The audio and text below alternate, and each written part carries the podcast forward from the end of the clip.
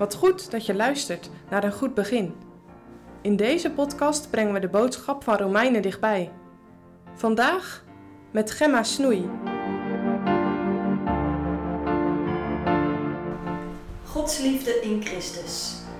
Vandaag willen we nadenken over Romeinen 5, de versen 6, 7 en 8. Want Christus, als wij nog krachteloos waren, is te zijner tijd voor de goddeloze gestorven. Want nauwelijks zal iemand voor een rechtvaardige sterven. Want voor de goede zal mogelijk iemand ook bestaan te sterven. Maar God bevestigt zijn liefde jegens ons, dat Christus voor ons gestorven is, toen wij nog vijanden waren. Het zou een eer zijn om mijn leven te geven voor Gods uitverkoren volk. Dat waren de woorden van Corrie ten Booms vader nadat hij gearresteerd was.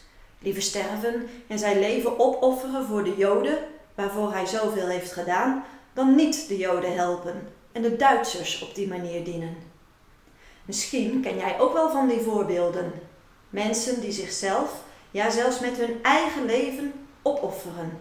Wat een moed, wat een liefde. Paulus wil ons vandaag meenemen in zo'n beeld van moed. Hij weet het, bij hoge uitzondering zullen er mensen zijn die hun leven geven om voor een goed mens te sterven. Gods liefde en zijn offer gaan hier echter ver bovenuit. Wat is Gods liefde in Christus? Wat houdt dat in? Laten we daarvoor eens teruggaan naar het begin.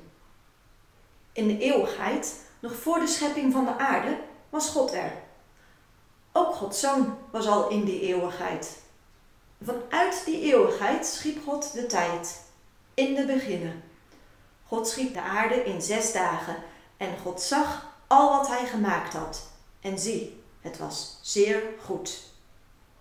Maar de duivel, de grote verwoester, wilde die goede schepping verstoren. Niet God, maar Satan moest koning worden en de eer krijgen. In de gedaante van een slang verleidde hij Adam en Eva.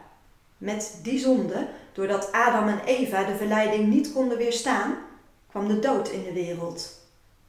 Maar ondanks het verstoren van de schepping en de grote val van de mens, zette God daar geen punt. Er was een weg tot redding en behoud, een helsplan, uitgewerkt in de eeuwigheid. En dat noemen wij Gods liefde in Christus.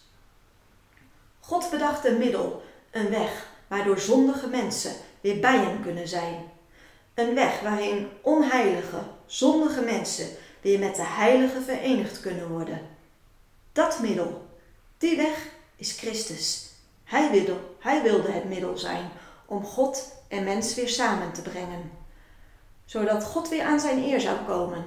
En zodat mensen zalig worden en God die eer weer kunnen geven. Dit kan alleen maar door het offer dat hij bracht, door zijn dood. God echter bevestigt zijn liefde voor ons daarin dat Christus voor ons gestorven is, toen wij nog zondaars waren. Wat een wonder is dit! In die eeuwigheid, nog voor de schepping van de aarde, had God een plan om door Christus de mensen te redden. Geen vrienden, maar bikkelharde vijanden. Denk eens aan Manasse, de koning van Israël, die God het meest stergde met zijn goddeloze gedrag. Hij onteerde de tempel, juist die plek waar God wilde wonen, te midden van zijn volk. In het midden van de tempel plaatste hij afgodsbeelden om daaraan te offeren en die beelden te eren. Zijn opstand, zijn vijandschap tegen God, zijn steeds opnieuw laten weten: Wijk maar van mij, want aan de kennis van uw wegen heb ik geen lust, was hemeltergend.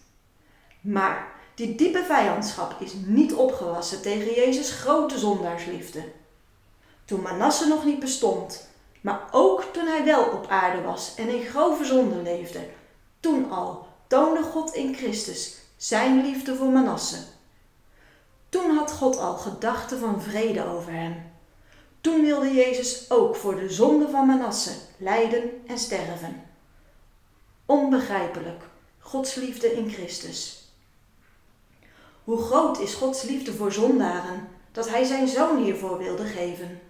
Hoe groot is Jezus' liefde voor zijn Vader en voor zondaren, dat Hij dat offer wilde brengen. Ga in gedachten nog eens mee naar die eeuwigheid voor de schepping. Mag jij uit genade je naam invullen? Mag jij weten dat Christus toen zei: Ja, vader, voor die jongen, voor dat meisje ben ik gewillig het offer te brengen? Ook al zullen ze naar mij niet vragen, niet zoeken, toch wil ik dat ze bij mij zijn, omdat u ze aan mij gegeven hebt. Ik heb haar, ik heb hem gekocht, met de grootste prijs die ik kon betalen. Mijn bloed gestort, mijn leven voor hen gegeven. Dan blijft aanbidding over. Dan ga je zingen. Mijn God, u zal ik eeuwig loven, omdat gij het hebt gedaan.